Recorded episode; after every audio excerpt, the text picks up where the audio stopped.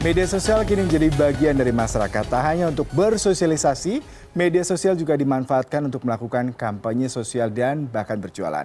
Bukan hal baru ketika kita melihat selebritas, influencer, atau public figure lainnya melakukan endorsement di media sosial. Boleh jadi kamu punya keinginan untuk bisa di-endorse dan juga sudah nama-nama terkenal mengendorse kalian juga agar bisnis kamu makin populer. Lalu seberapa besar anggaran untuk beriklan melalui media sosial para public figure? Kita akan membahasnya untuk Anda. Ya, kita akan membahas terkait dengan endorsement dalam strategi bisnis. Ini merupakan salah satu strategi bisnis baru yang menarik terkait dengan pertumbuhan penggunaan sosial media dan internet di Indonesia. Kalau kita bicara mengenai endorsement dari bahasa Indonesia adalah bagaimana ini merupakan strategi komunikasi dengan menggunakan tokoh terkenal. Di sini biasanya selebritas, kemudian juga atlet ataupun orang-orang yang memiliki nama tenar prominent person yang mendukung penjualan sehingga membuat masyarakat tertarik untuk membelanjakan uang mereka untuk berbelanja produk mereka. Dalam penerapannya, sang artis atau content creator ini diharapkan membuat konten. Jadi biasanya mereka para selebritas ini membuat konten dengan cerita-cerita tertentu. Biasanya mereka dibekali dengan uh, produk ya. Mereka sudah tahu dulu produk knowledge-nya apa, misalkan produk kecantikan, berupa skincare, bahkan hingga makanan, dan otomotif juga, properti, banyak sekali. Nah, ini nanti mereka dibekali dengan informasi layaknya sebuah storyboard yang biasa digunakan dalam dunia periklanan. Nanti mereka akan telling kepada masyarakat sebagai pengguna sosial media. Nah, di sini kalau saya bisa memberikan informasi terkait penggunaan sosial media, berdasarkan data dari Kemenkom Info ada 63 juta warga Indonesia yang melek internet. Wah, jumlah yang besar ya. Bahkan 90 persennya ini banyak menghabiskan waktu di sosial media. 90 persen.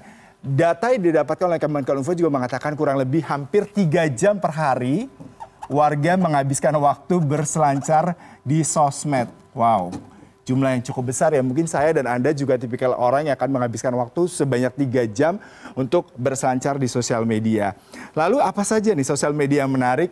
yang bisa dipergunakan. Berdasarkan data yang saat ini kita bisa informasikan terkait pertama adalah YouTube. Kalau kita bicara dengan YouTube, ini data dari Business of Apps yang saya dapatkan di tahun 2022, pengguna YouTube seluruh dunia ini mencapai 2,41 miliar orang. Wow, jumlahnya cukup besar ya, 2,41 orang. Kemudian Instagram, ini data yang saya dapatkan juga dari um, web sosial media atau WA sosial, datanya mencapai 1,45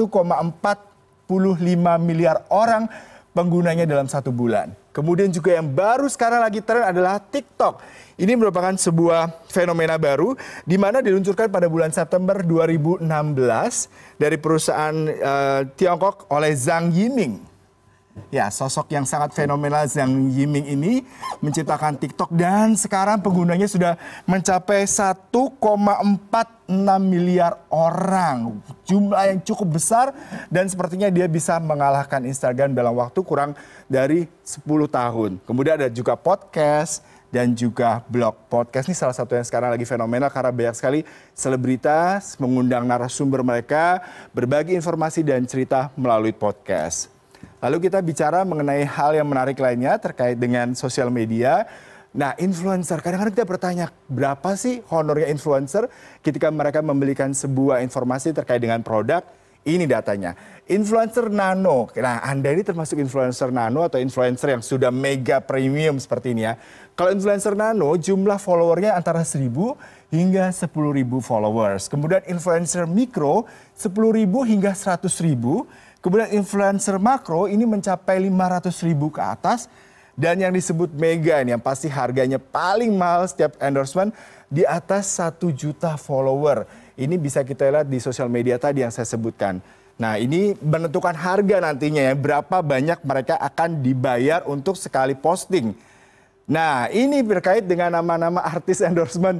Mungkin Anda sudah sangat familiar dengan wajah-wajah ini. Misalkan Raffi Ahmad, kemudian Raditya Dika, Syahrini, bahkan Ayu Ting Ting.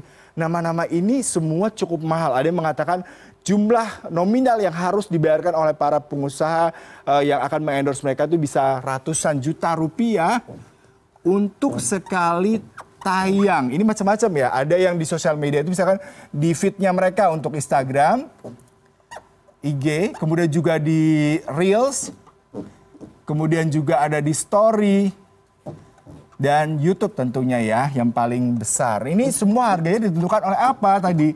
Dari durasi juga, kemudian juga apa namanya kontennya dan brandnya sendiri. Jadi kalau misalkan anda tadi punya cukup cuan besar untuk mengendorse mereka, diharapkan bahwasanya produk Anda bisa terjual cukup signifikan karena biaya yang dikeluarkan tidak sedikit untuk mengendorse para artis-artis ini. Nah itu tadi terkait dengan bagaimana sih sebenarnya kalau kita bicara mengenai sosial media dan dampaknya. Banyaknya pengguna serta cakupan besar yang luas, kini media sosial dimanfaatkan sebagai sarana untuk berbisnis. Menjadi seorang terkenal di media sosial bukan cuma soal kebanggaan atau pengakuan dari orang lain, melainkan juga bisa menjadi sumber penghasilan dan penghidupan yang fantastis.